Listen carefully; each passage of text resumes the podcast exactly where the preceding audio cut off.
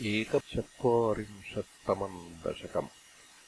व्रजेश्वरः शौरिवचो निशम्य समाव्रजन्नध्वनिभीतचेताः निष्पिष्टनिःशेषतरुम् निरीक्ष्य कञ्चित्पदार्थम् शरणम् गतस्त्वाम्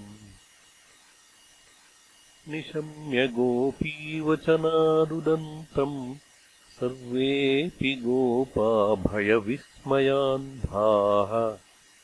त्वत्पातितम् घोरपिशाचदेहम् देहुर्विदूरेऽथ कुठारकृत्तम् त्वत्पीतपूतस्तनतच्छरीरात् समुच्चलन्नु चतरो हि धूमः। शङ्कामधादागरवः किमेष? किञ्चान्दनो गौगुलवोऽथवेति। मदङ्गसङ्गस्य फलम् न दूरे। क्षणेन तावद्भवतामपि स्यात्। इत्युल्लपन्वल्लवतल्लजेभ्यस्त्वम् पूतनामातनुथाः सुगन्धिम् चित्रम् पिशाच्यानहतः कुमारश्चित्रम् पुरैवाकथिशौरिणेदम् इति प्रशंसन् किल गोपलोको भवन्मुखालोकरसेऽन्यमाञ्छीत्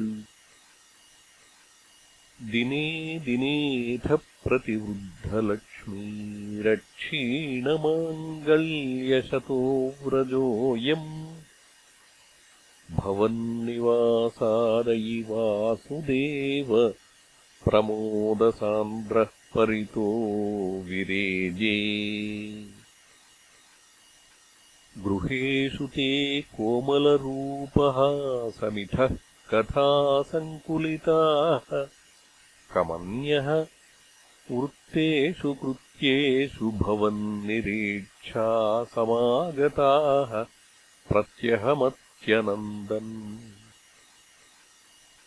अहो कुमारो मयि दत्तदृष्टिः स्मितम् कृतम् माम् प्रतिवत्सकेन। ये ये हि मामित्युपसार्यपाणिम् त्वयीश किम् किम् न कृतम् वधूभिः?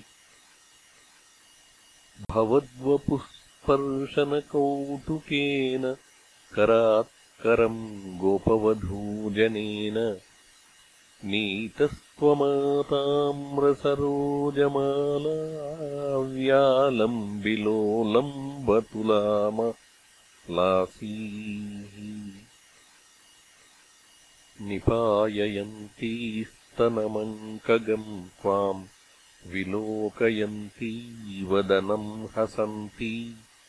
दशाम् यशोदा कतमान्न भेजे स तादृशः पाहि हरे गदान् माम्